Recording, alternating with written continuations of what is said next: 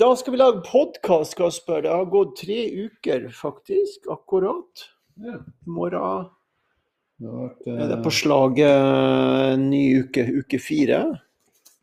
Og jeg har vært på tur i eh, Frankrike og i Spania.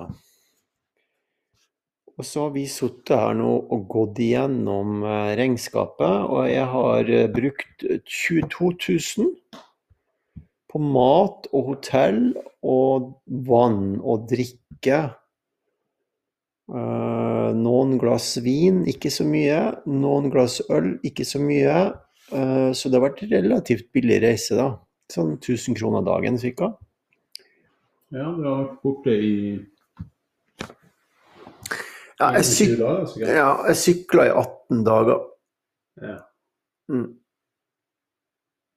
Så, da, så da, da tenkte jeg at uh, nå skal vi uh, summere litt opp, og så er det jo så hyggelig at du har vært her i dag, og vi har uh, Jeg holdt på å si grilla bøker. Vi har, vi har brent bøker hele dagen. Flere, jeg tror faktisk nesten 100 bøker. ja, det vet du mer om enn meg. Ja, og så kom du, og så har vi grilla mat på varmen fra bøkene inni pizzaovnen. Det var veldig koselig. Ja, det var godt, da. Ja, god salat og Mm. Og så har vi eh, gjort noe annet, ikke ofte vi gjør da, men vi har åpna ei flaske Faustino fra 2010, som er sjakkamann Frank Røsgaard, som er vinekspert. Og han sa det må du kjøpe, for den koster, bør koste 120 kroner, for det er den beste årgangen. Ja. Jeg syns den var Vi har tatt et glass da i dag. Den var god, men ikke så god. Faustino var liksom første rødvin som jeg drakk. Faktisk og likte. Ok. Eh, Da kommer neste oppfølgingsspørsmål. Når har begynte begynt å drikke? jeg tror Jeg begynte å drikke på veldig veldig tidlig tidspunkt, men uh, i forhold til de fleste. Konfirmasjonen min, faktisk, så uh, Jeg kommer jo fra en tidligere generasjon hvor uh, mor mi mente det var greit at jeg skulle lære meg å drikke hjemme istedenfor at jeg skulle drikke ute. Det var lurt. Ja. Og søsteren hennes skulle liksom tulle litt med henne og prøve å skjenke meg på konfirmasjonen. Men Og- det fikk de ikke til. Ble det Faustino? Nei, da var det ikke Faustino. Da Du lærte deg etter hvert. Ja, Faustino, som jeg sa, det er første rødvin som jeg drakk og likte. Det er to forskjellige ting å drikke rødvin og, og like rødvin. å drikke. Jeg var i Logorno, Logorno. Lograno, Logorno. Det er jo ikke så lett med disse navnene. Altså, jeg har vært på så mange navn gjennom den turen. Men i hvert fall hovedstaden i Rioja. Ja. Der satt Det var en kilometer med sånn uterestauranter og et veldig, veldig flott by, altså. Ja. I Nord-Spania. Ja. Men, eh, men eh, i hvert fall, der, der, og da sa han kelneren, for jeg var så sulten, jeg hadde kommet kom inn i halv ni-tida om kvelden, hadde sykla enormt langt. Syns jeg, da. Eller det tok lang tid. for å si. Det, det er ikke det at jeg sykla så enormt langt, men det er bare at det har tatt så lang tid å sykle opp og ned og hit og dit og mellom vinåkre og alt som var, i hvert fall i det området der. Og så skal du innom, når du følger pilegrimsruta, så skal du innom disse små landsbyene med alle disse fantastiske kirkene eller er jo. Kulturbyer. Du har, du, har ikke, du har jo ikke sykla. Du har ikke bare vært på vei. Å nei, du kan si jeg har vært på småveier, men eh, jeg, hvis jeg skal karakterisere turen som, som, for å være helt sånn ærlig på hva jeg har gjort for noen ting, så og jeg regna ut nå det er nesten 30 000 høydemeter, så det er som å sykle Birkebeineren hver dag i, i 18 dager. Akkurat. Altså det er ingen forskjell på det. Og jeg har sykla den noen gang, så det, det, er, og det er litt sånn grusvei og litt asfalt og litt sti og litt kupert og litt opp og litt ned. Men, men eh, la oss eh, Skal vi starte fra begynnelsen av? På jeg har tenkt litt de siste dagene om hva jeg, hva er i all verden er det her for noen ting å legge ut på en sånn tur alene. Det er jo veldig mange som gjør det, faktisk. Men de går, de fleste går. 10% sykler. 1% rir på hest. Fra hele veien fra- Nei, jeg tror de starta i Saint-Jean-Pied-de-Port, som er i, i Pyreneene, og så rir de inn til til um, Det er sikkert noen som har ridd ifra, ifra Le Point Valais i Frankrike også. Men, men la oss nå starte med uh, De fleste går. 90% går. Mm. Uh, jeg, jeg bestemte meg jo for eh, Det er jo ikke så veldig mange uker før jeg si, uker før jeg skal reise, bestemmer jeg meg for at nå, nå skal jeg gjøre det her. Uh, det var bare kameralyden. Og så bestiller jeg flybillett til Paris, og så reiser jeg til Paris med sykkelen. Og så er jo intensjonen med turen det å reise uten å sitte og, og, og, og finne ut alt sammen på nettet på forhånd, men å bare rett og slett reise og så se hvor du kommer hen. Så jeg kom til Paris. Um, så, og der var det litt sånn, hva skal jeg si Ikke trøblete, men det var sånn å finne toget. Og, og så den sykkelen Jeg hadde kjøpt en sånn bag som jeg kunne pakke den inn, så ikke for det måtte du ha for å komme på flyet. Men så kom jeg på Det tenker jeg veldig, var veldig hyggelig å se, egentlig. da, For jeg kom jo på toget fra Paris og ut til landsbygda. Eh, litt nedafor Lyon.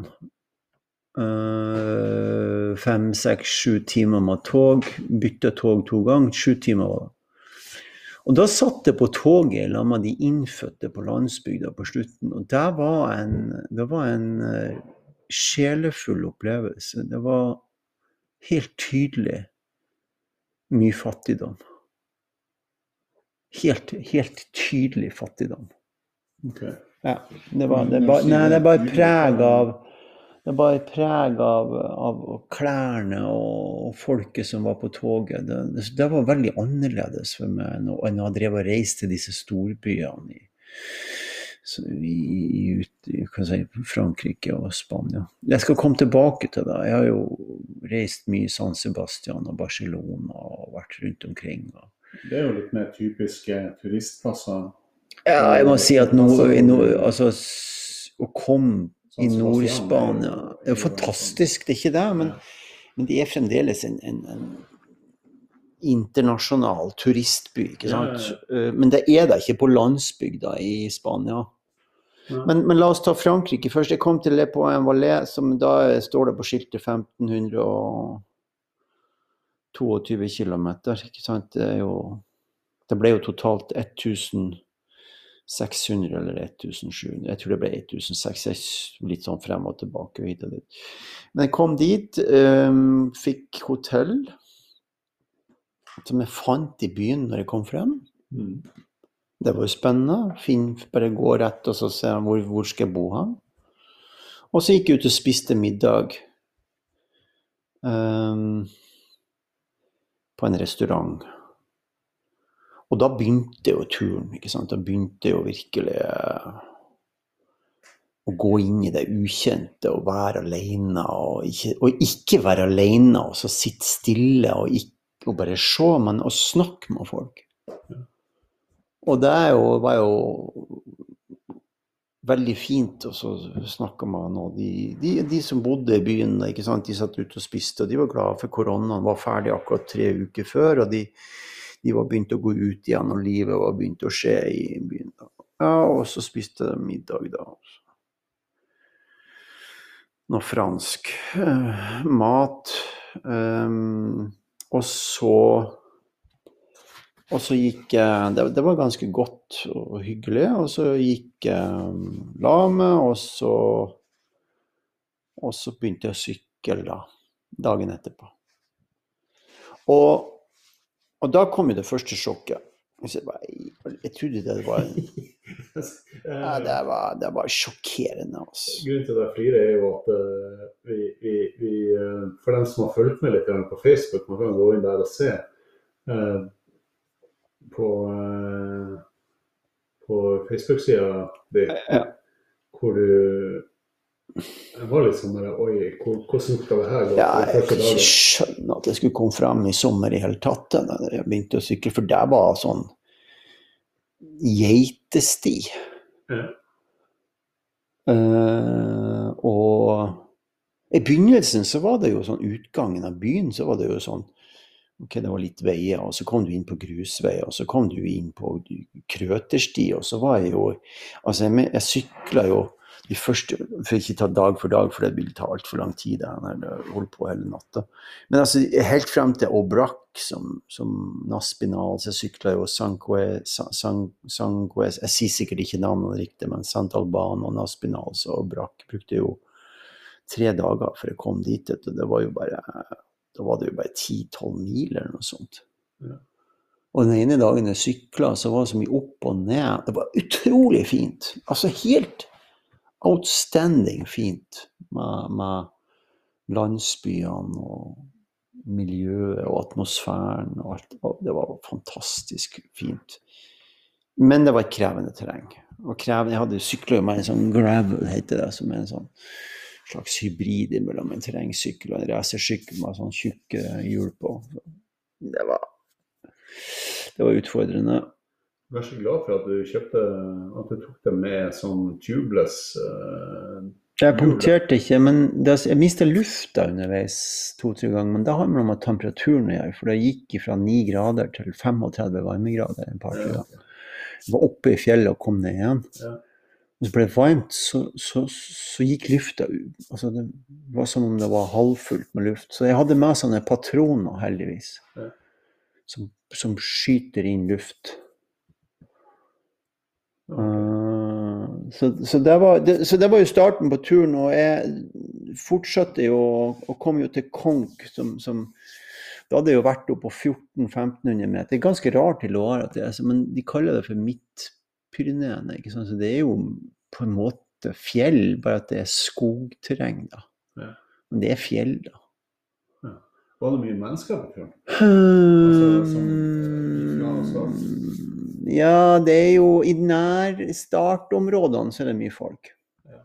Men jeg sykla faktisk eh, et par etapper helt, helt uten å se folk i Frankrike. Ja. Jeg så jo folk, men altså ikke, ikke pilegrimer. Ja. Så der var jo Og da i første Du har sett en del kyr også? ja, og så var jo, jeg var jo i og Brakk var jo fantastisk. Jeg, jeg har jo sagt at jeg jo jeg spiser jo vanligvis veldig sunt og ordentlig. Og det, maten var faktisk en utfordring. Fordi jeg bestemte meg Eller det er jo ikke noe å bestemme det. Du får reise alene med en sykkel med din egen oppakning. Må du nesten spise den maten som er der. Ja. Eh, Så det ble mye croissant og, og brødmat. Og så når jeg kom til Aubrac, så fikk jeg jo spist den der Aubrac-oksen, som var en opplevelse. Det Men- men- seg. Ja, det er noe man bør få med. Det er jo verdenskjent. Den, den okserasen er spesielt derfra. Veldig, veldig godt. Men det var ikke min stil å spise Det var altså en potetstappe som var like mye ost oppi som det var potet. Ja. Så det var råfeit mat på kvelden. Og så var det denne brød... Så jeg ble faktisk oppblåst i kroppen i første uka. Jeg, jeg, jeg, jeg liksom Hva er det som skjer? Ja. Jeg spiser jo vanligvis ikke brødmat hjemme. Ja, det er det jeg skulle frem til. Ja. Nå har ikke du spist uh, Nei, verken kjøtt, jeg spiser verken kjøtt eller uh, gluten. Ja, nei, det har vært lenger tid enn det. Det har vært helt siden vi slutta med restaurant øh, og kjøtt, så har jeg jo kutta det ut. Ja, så det var, det var begynnelsen på Frankrike. Eh, og så hadde jeg med meg kamera og, og tok opp eh, Det blir spennende å se på. Ja, jeg har en 60-70 intervju. Det er rett og slett bare å glede seg til. Altså. Jeg har møtt folk fra hele verden. Ja. Og den følelsen av å møte pilegrimer som har reist inn sånn som jeg gjorde for å dra på den turen, er noe helt spesielt. Jeg skjønner at folk drar ned dit og gjør dette her. Og atmosfæren blir bare bedre og bedre og bedre og bedre. jo nærmere du kommer eh, Frankrike. Ja. Nei, unnskyld, Pyreneene og Saint-Jean-Pied-de-Port, som er liksom portalen inn i Pyreneene. Og over, og inn da i Spania. Riktig. Og Det, det jeg var veldig med deg når du kom frem til eh, Var det Pamplona eller noe sånt du var i da? Ja. Det, vi snakka sammen flere, hver, sånn, hver andre, tredje dag eller noe sånt, men Ja. det var pyrene. Men litt mer om Frankrike før vi går videre. Jeg, jeg, sitter med kartet framfor meg her, så det gjør at jeg, at jeg kan ja, husk, Jeg holder tråden på hvor jeg har vært. Den. Jeg har i hvert fall den franske ruta. Den fikk jeg etter ei uke, for jeg kjørte meg bort så mange ganger. Altså. Oppi fjellene i Fisak heter det, oppi, langt oppi der, så traff jeg to pilegrimer, og jeg spurte etter veien. Og så du kan jo bare ta bilde av den her. Ja. Og så gikk det en par dager, og så var det en som sa til meg du må, du må bruke appen. Og så begynte jeg å søke etter app, og så var jo den fransk eller spansk eh, tekster, men så fant jeg en app som heter Alternative ruter i verden. Den er helt fantastisk, koster 300 kroner, og den, den har alle kjente rutene i hele verden. Fantastisk. Syk, sykkel, pilegrim, gåtur, alt som finnes. Ja. Og det var, det var, det var da, da ble det godt å være på tur sånn i forhold til hvor du er hen. Ja, og vite og, Ja, vite, ja, ikke sant. Du, du. Ja. Ja. Og så var det jo videre til um, Konk, som det heter, da, eller Gahos og ja, Hvis vi tar den der Konk først, så var det jo Da hadde jeg vært på 1400 et eller annet meter oppe i uh, Loire, og så sykla jeg nedover i en halvtime, tre kvarter eller noe sånt, og så kommer jeg til den der den ubegripelige landsbyen nedi ei kløft som noen på 1100-tallet har funnet ut at her skal vi være. Her skal vi være munker, og her skal vi bygge en gigantisk katedral.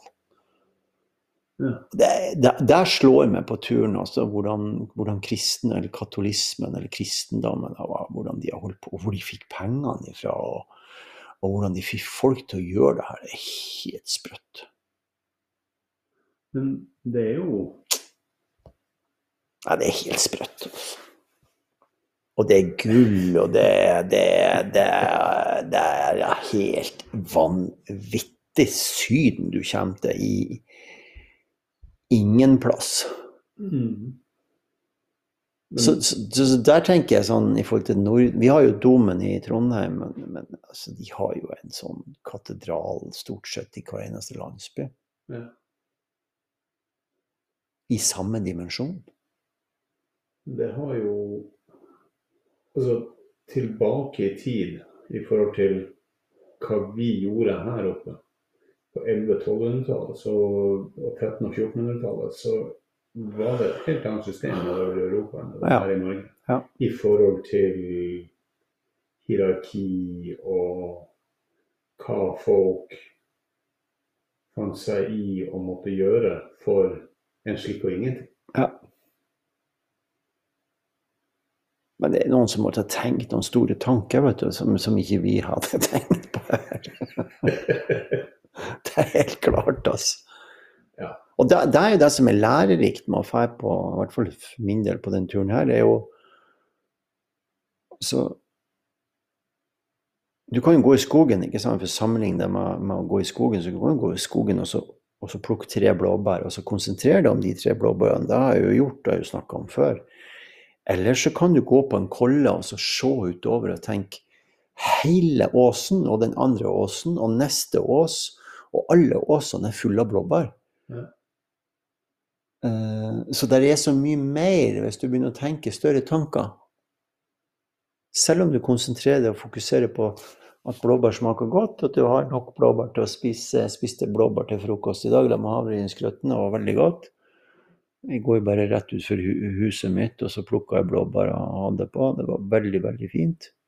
Men, men det er den der en enorm heten av å ha sånn tankekraft som, som, som de måtte ha hatt. Og det er inspirerende. Altså.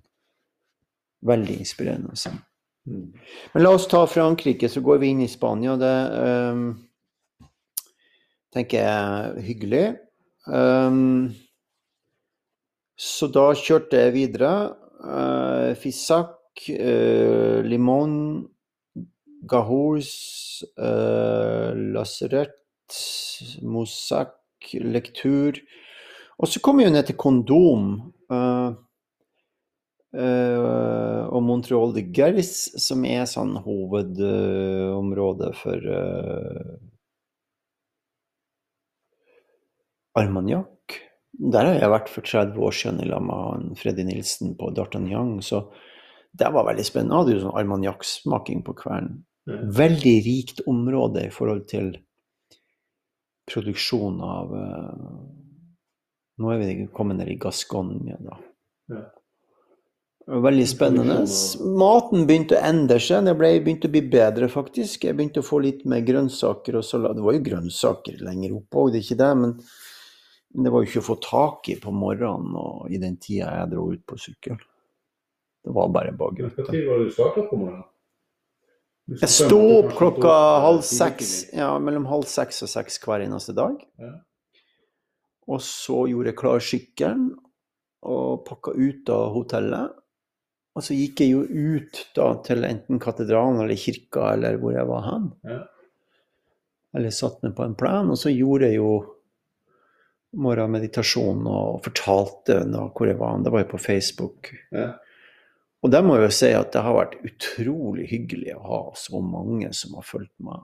Du har jo på en måte hatt eh, følgesvenner. Ja, det har vært veldig hyggelig å kommunisert med dem. og Ja. Litt sånn meldinger frem og tilbake. Det har kommet noen spørsmål, og det har vært noen sånne kjernepersoner da, uh, som, som har uh, Det er veldig hyggelig, inspirerende og godt, egentlig, at folk står opp om morgenen og bryr seg. At du drar på en sånn reise som jeg har gjort nå, da. Ja. Som jeg skal komme tilbake til den jeg tenker vi, vi bruker den første ja, i hvert fall halvtimen nå til å gå litt gjennom ruta, så skal jeg snakke mer om hva jeg har lært for noen ting om på turen. Ok, og så dro jeg videre. Eh, så trodde jeg trodde at nå flater det sikkert ut, da. Før jeg skal inn i Pyreneene, men det gjorde aldri det i Frankrike. Det flata aldri ut. Det var opp og ned, opp og ned, opp og ned. opp og ned. Jeg tror bare i Frankrike var 20 000 høydemeter. Ja. Så jeg tror det var langt Ja, jeg tror det var over 30. langt inn Spania at du begynte å få litt sånn Det var ikke før de kom til Burgos, som vi snakka om i stad, og inn de 20 milene som Og det var jo også noe veldig spesielt, for det var rett fram. Ja. Ok, men vi fortsetter. Kommer jeg kjører Frankrike, begynner å bli eh, mett Jeg begynte faktisk å bli metta av den der franske løypa og franske profilen på pilegrims. Jeg anbefaler det, men da anbefaler jeg å dra til Loire og så, og så gå i Loire-dalen der. Ja. Og så anbefaler jeg Pyreneene. Det er ikke alt jeg anbefaler like mye i Frankrike, av opp og ned. Og Ja. Da kan du gå på en eh, krøll, altså, hvis du, hvis du ikke har psyken helt på plass, for det var heftig, altså. Jeg, hadde jo, jeg fortalte deg at jeg hadde en dag sykla i tre timer, og så kunne jeg se på andre sida av elva. Jeg hadde bare forflytta meg tre kilometer.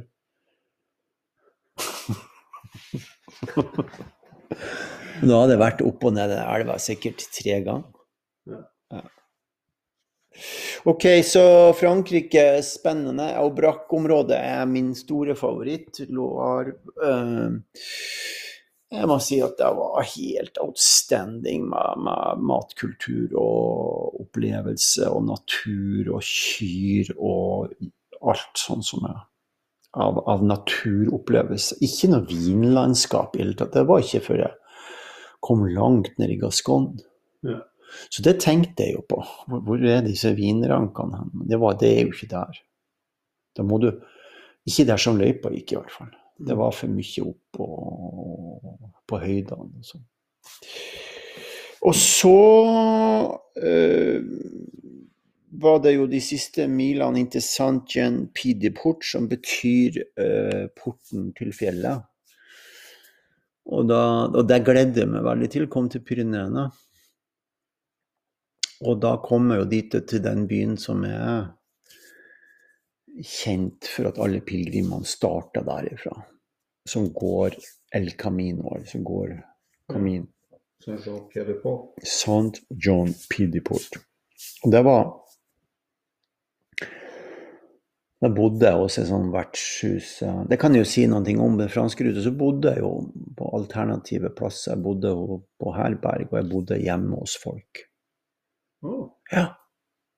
hjemme? Ja, det, det kom- Nei, det er sånn type De har bed and breakfast eh, inne i huset sitt. De har et rom og ei seng, og så bruker du kjøkkenet deres. Og du bruker Jeg fikk vaska klærne med hjemme til dem. De hadde gått pilegrimstur sjøl. Ja, okay. Eller hun hadde gjort det. Ja. Eh, Det var litt snålt med det samme, for de snakka jo ikke engelsk. Og jeg snakka ikke fransk. Ja. Så det var på tegnspråket. Så det var en spennende opplevelse. Og så gikk jeg ut Den kvelden husker jeg veldig godt, for da trodde jeg at jeg hadde mista visakortet mitt. Så da gikk jeg byen rundt der uten penger og visste ikke helt att frem på meg sjøl. Da var jeg sliten og trøtt og huska ikke hvor jeg lagt det fra meg. Hva sa du da? det? Er vel etter en seks, sju, åtte dager. Ja, okay. Ja.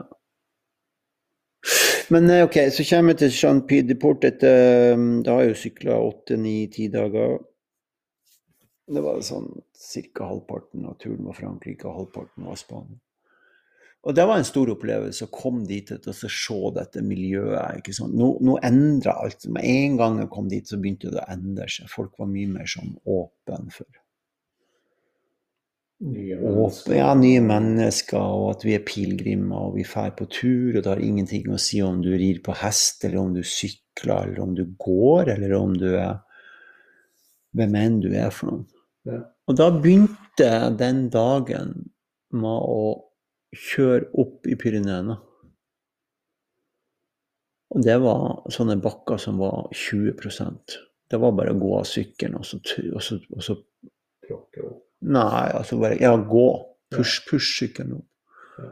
Da traff jeg ei dame, ikke dame, jeg, vil si ei jente av 20 år. og med ei nederlandsk og ei fransk. Og ei norsk. Så traff jeg en norsk, på den eneste norske personen jeg traff på turen. Okay. Hun skulle gå tre-fire dager. Ja. Og da gikk jeg sammen med dem og prata, og en hun hadde bodd i Kongo, hun som var fra Nederland. Hun var veldig sånn, hadde reist overalt i hele verden. Og hun fra Frankrike var en artist, hun sang, så det har jeg tatt opp. Hun sang, ja. Hun var, hun var kunstner, altså sangkunstner, da, kalte hun seg. Ja. Artist. Eh, Så når vi kom på toppen, så Og det var veldig hyggelig, for da kom vi på toppen, og det var fremdeles oppholdsvær, og så kom tåka. Så sykla jo ned av Pyreneene, så ingenting. Jeg så 20 meter framfor meg i seks timer. Du var endelig skal Ja, det var- Jeg hadde meg sånn til Pyreneene, ikke sant? for nå skal jeg liksom se Pyreneene. Ja, det er enorme forventninger. Det er om jeg ikke har forventninger, altså. Men eh, på den sida mot Frankrike så fikk jeg sett fjellene og dalen. Og på vei inn til Pyreneene så så jeg hele fjellsøden. Vanvittig, og dit skal jeg tilbake igjen. Helt syk fin natur. Og landsbyer og, og miljø og Du er på landet, men det er jo Det er veldig bra, altså.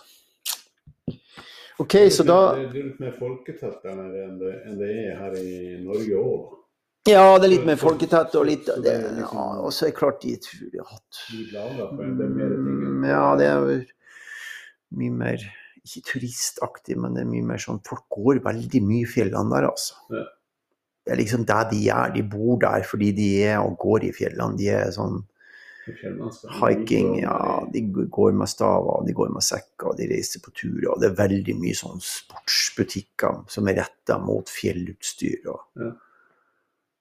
og vanvittig fint terreng. Som å komme seg til Åndalsnes her.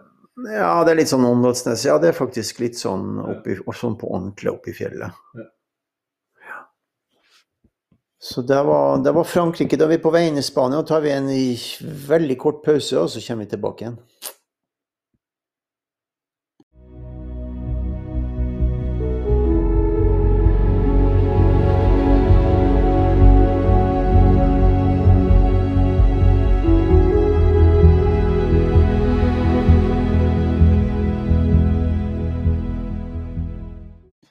Ja, da er vi tilbake. Vi er på vei inn i Spania. Eh, Jeg skal bare ta ruta først, og så skal jeg si mer om eh, alle hemmelighetene etterpå. Det er hemmeligheter. Nei, jeg vil ikke si at det er hemmeligheter, men eh, det er litt sånn Hva er det man får ut av en sånn tur? Hvorfor gjør man sånne ting? Hvorfor drar man bort og går og, og, og Ok, la oss ta litt om det først nå, før vi går på ruta i Spania. Så En av de tingene som jeg har lyst til å formidle, det er at ensomhet og alenehet er to forskjellige ting.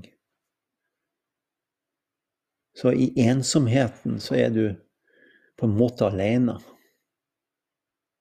Føler du det. Mens i aleneheten så er du aldri alene. Mm. Det er bare for å bruke to forskjellige uttrykk på det. Mm. Så aleneheten, ikke sant, så er du fremdeles i sammen med alt.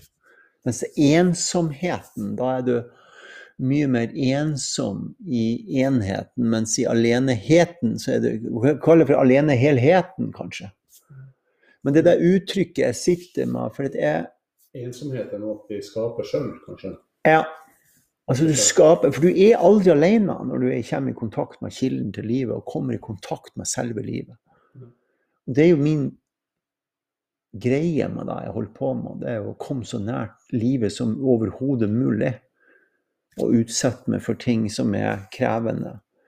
Og koble meg av fra det dagligdagse livet. Altså der, de, tre tingene, de tre tingene der er helt avgjørende. Du må koble deg av, og så må du tørre å gjøre det. er jo ikke forenlig med et normalt liv.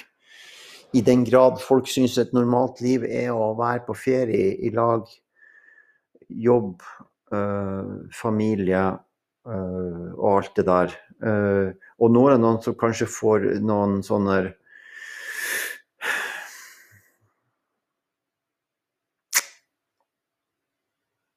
oppstandasige tanker om det jeg sier. det må de bare gjøre. Men nå er det jo et valg, jo et valg jeg har gjort, da. Å leve livet mitt sånn. Og søke ut og gjøre, gjøre sånne ting som det er for å komme enda nærmere. Og det er klart at det er ekstremt læringsrikt å sitte alene og sykle og ikke vite hvor du helt skal hen, og hvor du skal bo hen, og hva du skal spise for noen ting i tre uker. Det er sikkert veldig mange som har gjort det mye, mye lenger enn meg, men, men for meg så var det akkurat passende nok til å få kjent på den der han Gullet, det gullet som er i tilstedeværelsen. Det, det, det, det er en floskel å si tilstedeværelse, for du er alltid til stede. Du er jo alltid der du er uansett. Men det at alle disse lagene som du har rundt deg, som, som har med det dagligdagse livet ditt å gjøre, det skrelles av.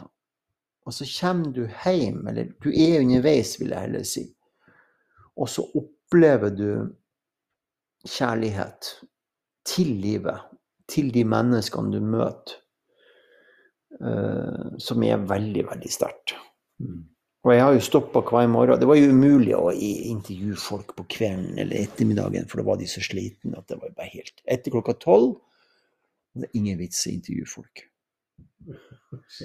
Nei, for de fleste de starta sånn Ja, tilbake til eh, når jeg starta. Jeg var jo oppe klokka halv seks-seks, og så gjorde jeg jo Facebook eh, med alle hyggelige menneskene som fulgte med. Og så spiste jeg frokost, som regel ble servert mellom sju og halv åtte. Eller måtte dra på et bakeri som åpna klokka åtte. Så da måtte jeg vente. Det var noen ganger jeg satt av gårde. eh, Det var ikke like lurt. Um, men, og så sykla jeg da fra sånn ca. åtte om morgenen til klokka var helt frem til halv ni om kvelden. Ja.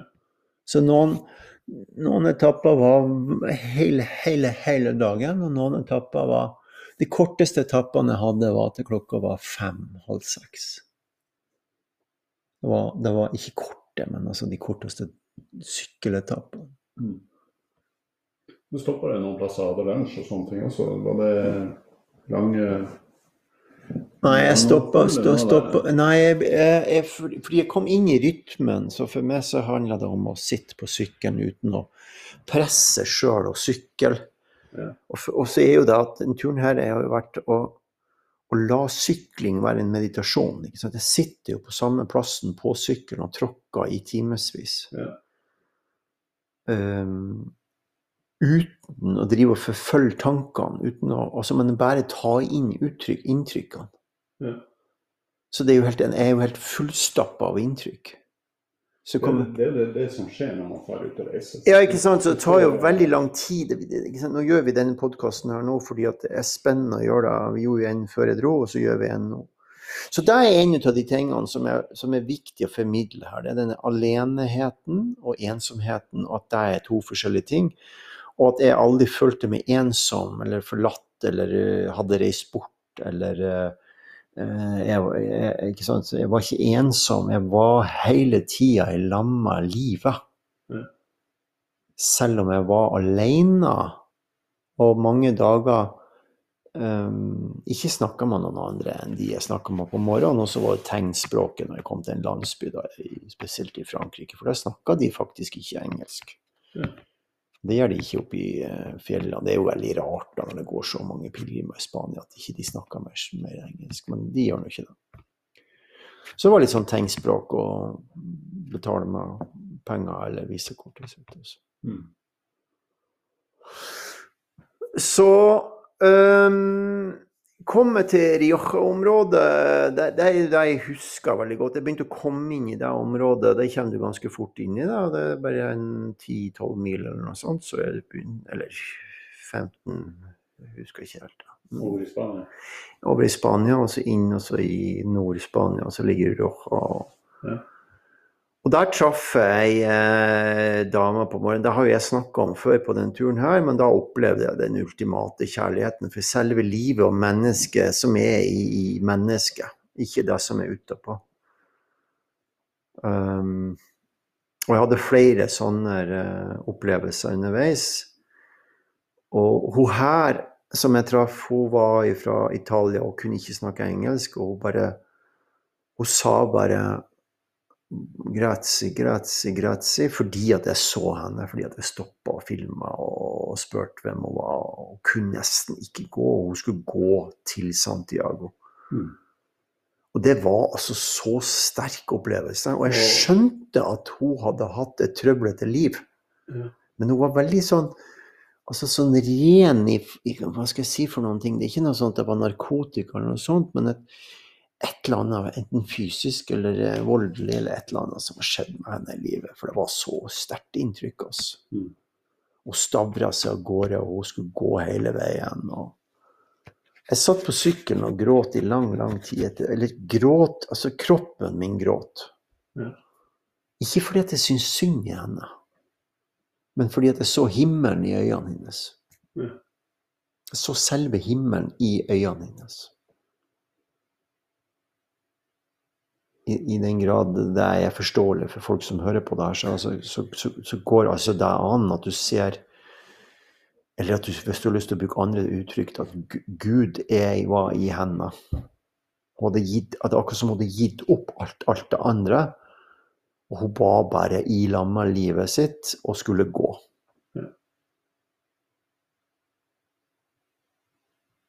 Så det var en utrolig eh, sterk opplevelse. Det er jo sånn av og til at man treffer på mennesker, man ser dem i øynene, så ser man hele livet. Ja, så ser man hele livet. Ikke bare, Veldig ikke bare deres, så ikke bare ditt eget, men hele livet. Ja, hele livet. Og det gjorde så sterkt inntrykk på meg at det, det var veldig mye tårer og, og, og god gråt. Altså, ikke, ikke sånn jeg er så lei meg og at det er vanskelig, men den kjærlighetsfølelsen som du får for selve livet som er i et menneske. Mm. Og så kom vi jo til hovedstaden i Rioja, som heter Longorno. eh, Logrono, Logroino, som jeg aldri helt husker navnet på. Um, veldig fin opplevelse. Uh, kom over broa der inn til byen, og så ja, som jeg sa i stad, smakte på denne vinen, og det var, det var, veldig sånn Og så er det så artig å se den forskjellen når du drar på en sånn tur, fordi at du ser at i det området har det vært mye penger veldig lenge. Fordi de har jo solgt vin i Rioja har jo solgt vin til hele verden i mange, mange, mange, mange, mange, mange, mange tiår. Hundre år. De leverte vel vin til det spanske kongehuset, vil jeg tro. Ja. Uh, har gjort det i veldig lang tid. Ja. Jeg kan ikke helt historikken, men det må jo? Ja, i hvert fall fra 17. Ja. 15-16-17. Det måtte ha vært veldig lenge. Det sånn uh, ja. Det, det, var, det, var, veldig hyggelig, og du kunne se på hele byen og befolkninga at, at uh, de levde i en kommune som var vel organisert. og Veldig fint, altså. Og da fikk jeg virkelig blikket opp for, for Nord-Spania.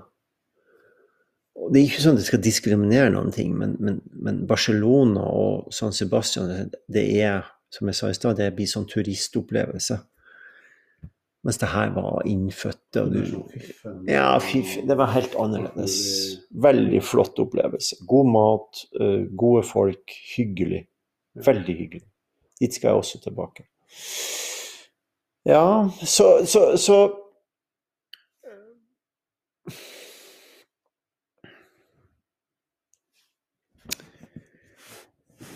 Hvor for han etterpå? Mm, da, nå har jeg ikke kartet på Spania foran meg, så jeg klarer ikke å huske navnene på de plassene, vet du.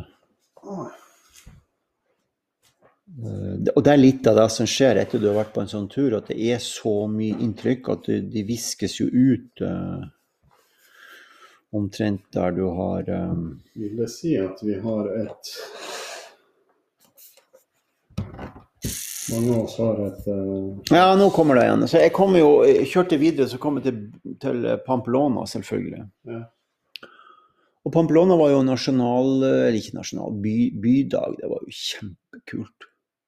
Var det i Pamplona? Ja, akkurat den dagen jeg kom, så gikk alle sammen i hvite klær og sånn rød skjerf. Og det var Spania, og det var Pamplona, og det var okse... Ja, det var det jeg skulle Ja, det var sånn okse-okse-tenkning. De har jo veldig ja, det, var, det, det var ikke okseløpet den dagen, men det var nasjonal eller hva skal jeg si, by, bydagen deres. De, akkurat som vi feirer 17. mai, så feirer de sin dag. Det var helt fantastisk hyggelig. Altså. Når du drar på dyrskue eller Martna eller ja. forskjellige byer og sånt, så har Det var sånn martnadsfølelse, så det var veldig, veldig hyggelig. Altså. Um, veldig fin by, veldig flott, veldig hyggelig. Um, traff veldig mye folk underveis. Det tenkte jeg skulle si noen ting om, det at etter den turen her Det fins altså et folkeslag som er Og det er mulig vi blir det folkeslaget når vi slipper oss løs og reiser på tur og faktisk drar på sånne turer. Men det, det er akkurat som det er et eget folkeslag som, som reiser ut i verden for å være i lag med verden sånn som verden er. Og ikke diskriminere den, men se alt det fine og flotte som er der.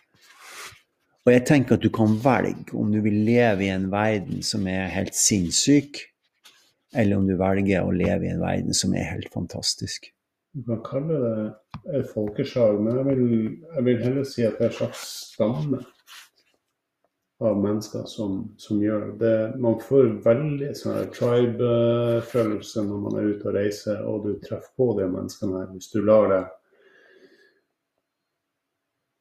føre til sånne ting.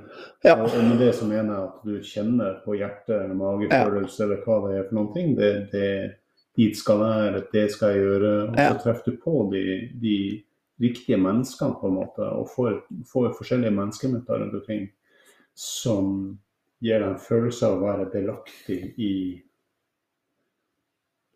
et sånn slags fellesskap ja. blant sånne mennesker. Og ofte så er det sånn at hvis du, hvis du drar og reiser hele verden rundt, så treffer du på de samme menneskene igjen. Ja. På helt uante plasser. ja. Så det, så det var mm, det, det var besnærende at det var At jeg følte det som et sånn eget sånn folkeslag som er ute, og som er hyggelig, og som er snill. Og det roptes jo 'Buen Camino' hele dagen. Og fra Spania inn så ble det bare mer og mer folk. På slutten så var det jo en enorme mengder med folk. Men uh, underveis i Spania så var overalt jeg kom, så var det Buen Camino og vinking og hyggelig og,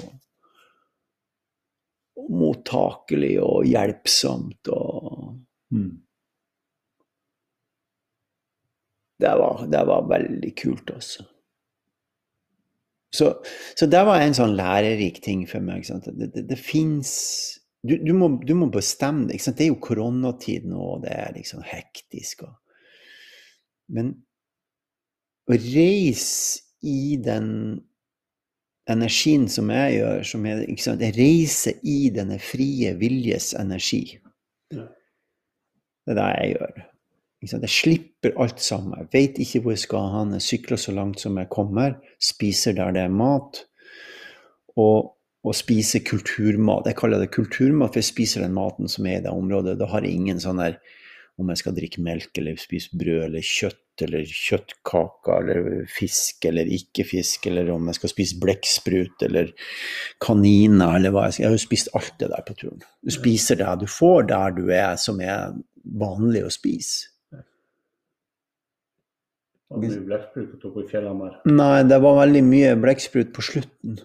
Ja, når vi begynte å nærme deg Santiago, ja. ja. Det var veldig, det var veldig blekksprut med chili på, sånn, koks, nei, sånn grilla i sånn hvitløks Det var Ja. sykt godt, altså. Det Ja, det er veldig Det um, heter Galicia. Galicia, ja. Kom til Galicia og en 20-25 mil igjen, så endra det også matkulturen seg veldig. Men så, så det er en av de tingene som er veldig lærerikt med å, å gjøre noe sånt. Så her, jeg, jeg, tok med meg et sånt Jeg var, jeg satt i en katedral en dag eh, på landsbygda i Spania. Og det var varmt, og jeg kom dit og hadde kjørt i noen timer alene faktisk på ettermiddagen. For det skjedde på ettermiddagen, når det var veldig varmt, så stoppa folk å gå i totida. Mens jeg fortsatte jo utover ettermiddagen, og da fikk jeg ofte sykle alene. Og fra Burgos og inn mot Santiago så er det 20 mil basically rett fram. Opp og ned. Og du ser to mil. Det er på toppen. Ja, det er langt, altså. Og um, jeg trakk jeg trakk ikke så kort, men det ligger sånne små lapper som sikkert er veldig fint for veldig mange å få når man går og suller og så har noen ting å tenke på. Men den var veldig fin. Det er altså å tørre er å miste fotfestet. Fotfestet øyeblikkelig. Og så miste fotfestet for ei stund. Og ikke tørre er å miste deg selv.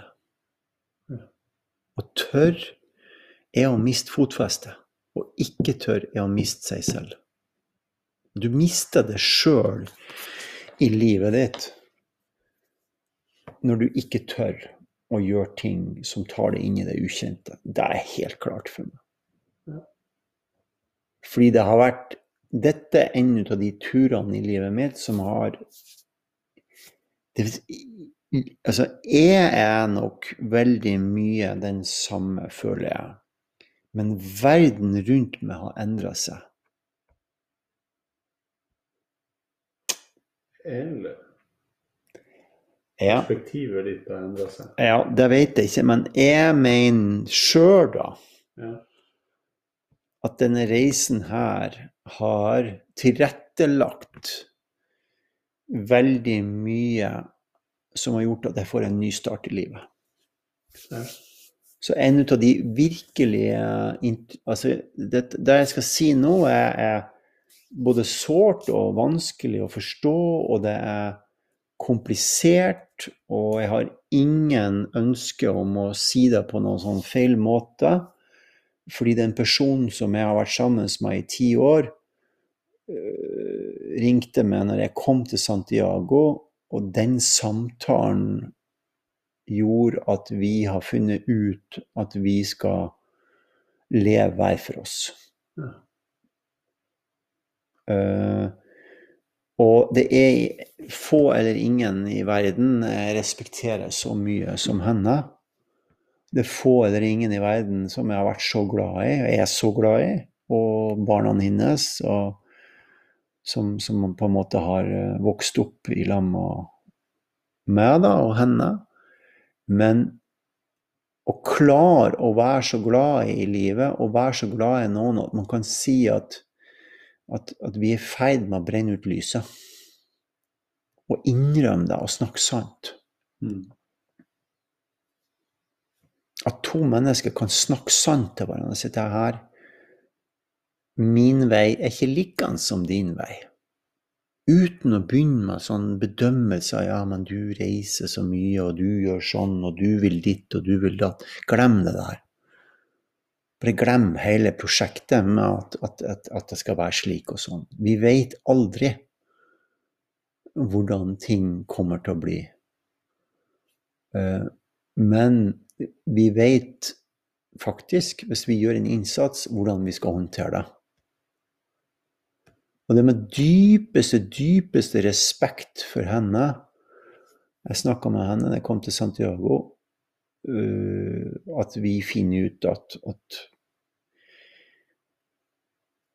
vi skal leve fordi vi lever så Vi har forskjellige meninger om hvordan man lever livet, og det respekterer jeg så stort. Ja.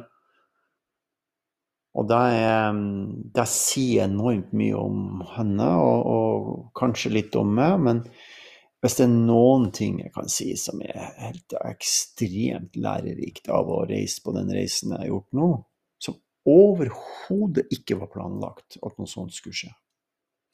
Ikke planlagt. Selv om vi som alle andre forhold har opp og ned og hit og dit, og diskusjoner, så var det helt uklart for meg.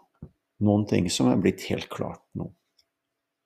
Og, det, det, og hvorfor det er sånn, ikke sant? og hvorfor det blir space til å gjøre noe sånn, og hvordan det her kan skje, det er helt ubegripelig for meg. Fordi den turen her har vært sømløs. Altså helt totalt sømløs. Det vil si, jeg har reist på flyplassen, du kjørte med på flyplassen. Jeg kommer på flyet. Bilen Nei, bilen sier øh, øh, Sykkelen kom frem. Sykkelen skulle egentlig ikke ha kommet, for den var, var ikke ferdig fra Produsenten. produsenten Fara, som, Ja. som er nede i byen her, i et norsk sykkelmerke. Fantastisk sykkel, forresten. Ehm, kommer til Paris, finner ut av toget, eh, må skifte tog. Finn ikke frem. Finn ikke frem på togstasjonen. Hvor du var Hvilken togstasjon var det? Ja, da var jeg nede i Lyon. Okay. Finner ikke frem. Det er, helt, det er så mye folk. Ja. Helt kaos, og munnbind og ikke munnbind. Og, ja. og, og så, når jeg skal ta frem togbilletten som jeg hadde klart å bestille, så konka appen deres. Ja. Så jeg hadde ikke noe Jeg visste ikke hvor jeg skulle hen. Men eh, litt her, litt der, og to minutter før avgang så var det en som løp i lamma med meg, faktisk. Han løp i lamma med meg for å vise meg hvor tog Her skal du! Her! Ikke, altså på fransk. Ja. For seg, for, ikke sant? Det var veldig sånn Du skal dit! Ja. Jeg klarte, jeg kunne ikke fatte og begripe at det var utgangen. Det hadde jeg aldri funnet ut sjøl. Mm. Og sikkert derfor han løp i lamma. Altså, det, var, det, var, det var bakom togstasjonen, det toget i Lyon som jeg skulle ta videre til Le Point. var det. Det var, he, det var helt absurd. Det var sånn, akkurat som ei blindgate. Og sånn har det vært på turen. ikke sant? Jeg har kommet frem, fått hjelp. Jeg har spist. Det var jo klart at det har vært dager som har vært komplisert, hvor jeg har Den ene dagen, og det er jeg helt ærlig på, jeg fikk ikke tak i mat, så det var to øl og, og peanøtter til middag på en bar. Det kan sies jo sjøl dagen etterpå i 30 varmegrader hvordan det føles inni hodet når du skal, skal sykle og ikke har fått frokost. Men det er ikke det som er poenget her. Den fysiske og psykiske og alle disse uh, treningstingene. Det er ikke det som er poenget mitt. Poenget mitt er at det går an å gjøre det her effortless. Oppleve totale, det totale livet. Så sånn har turen vært. Det har vært eh, Jeg kom hjem her og er veldig mye rikere i min forståelse av livet i seg sjøl og i min forståelse av relasjoner i seg sjøl. Relasjoner er ikke noe quick fix, og det er ikke noe å drive og fikse på. Det er noen ting som varer så lenge som det skal vare. Og så er det opp til dem som tør å si hva som er sant, å gå videre eller ikke gå videre. Og noen som tør å si hva som er sant, kan bære med seg den kjærligheten til de menneskene man har vært sammen med, i den tida man har til rådighet i livet sitt. Og så kan man si OK, jeg er akkurat like glad i det. Jeg, jeg elsker det virkelig ifra alt som er ifra topp til tå. Men veien vår går forskjellig. Mm. Og slipp hverandre fri. Dette er litt som ei bombe for meg når jeg kommer til Santiago. Det er ikke dette her som jeg har verken intensjon om, og det er det som er så forfriskende med å reise inn i det ukjente. Det handler ikke om å ha sykla 160 mil eller 25 000 høydemeter, selv om jeg liker å snakke om det. Jeg liker, jeg liker faktisk å si det, at jeg har gjort det. Hva er det som eh, gjør at du liker det? For jeg, lik, jeg liker å gjøre sånn at jeg liker sånne fysiske utfordringer. Så jeg liker, liker å si at jeg har gjort det. Og så Hvorfor folk tenker akkurat på det bryr Jeg bryr meg jo nada om hva folk sier for noen ting. Det er jo helt Det jo en ting. For oss som kjenner noen, Ja. så vet vi jo det. Ja, det, det har jeg null, har null in, altså Det eksisterer ikke med hva andre folk syns for noen ting om hva jeg driver med. Det er null, det eksisterer ikke. det. Du kan synes akkurat hva du vil for noen ting. Men det jeg er opptatt av, det er jo at det jeg gjør For det første så er det ikke bare for meg sjøl, fordi at jeg har intervjua 60-70 stykker. og Vi skal lage en fantastisk film som heter 'Human on a Spiritual Journey' Mm. folk fra Korea, Østerrike, Tyskland, Frankrike, Nederland, Finland, Norge, Uh, hele verden. Ja. Bolivia, var det ikke det hun, den filmen jeg viste deg, Du sa at du var Ja, fra Bolivia. ja. Så. som har reist helt alene, og ganske ung jente, reist helt alene og gått alene hele turen og holdt på i nesten eh, en og en halv måned. Mm. Og sa, hun sa til meg at det var, jeg gråt i ett strekk den første uka. Jeg hadde så vondt, det var helt jævlig. Hele greia. Jeg skjønte ikke hvorfor jeg var her. Og så ble det bare bedre og bedre. Og nå sa jeg som en maskin, jeg kan bare gå rett til Santiago. Da hadde hun 20 mil igjen. Så That's the story så langt. That's the story. Mye bilder, mye minner, mye som har skjedd. Veldig, veldig mye. Jeg kunne sitte og snakke om det i flere timer, men jeg tenker det er nok akkurat for i dag. Det er, det er en big deal da, som har skjedd. Jeg kan ikke, jeg Hodet mitt får ikke grep rundt det, hva som har skjedd de her tre måned, nei, tre månedene siden disse tre ukene. Det er akkurat som mange år har blitt komprimert ned i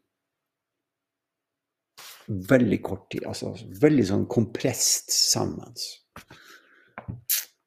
Har du klarhet, da? Som har kommet? Det, det må jo ha kommet noe klarhet, da. Eh, som du nevnte litt grann på slutten, med den bomba du skjøt ned. At Men du må være sann. Du må være sann overfor deg sjøl. Mm.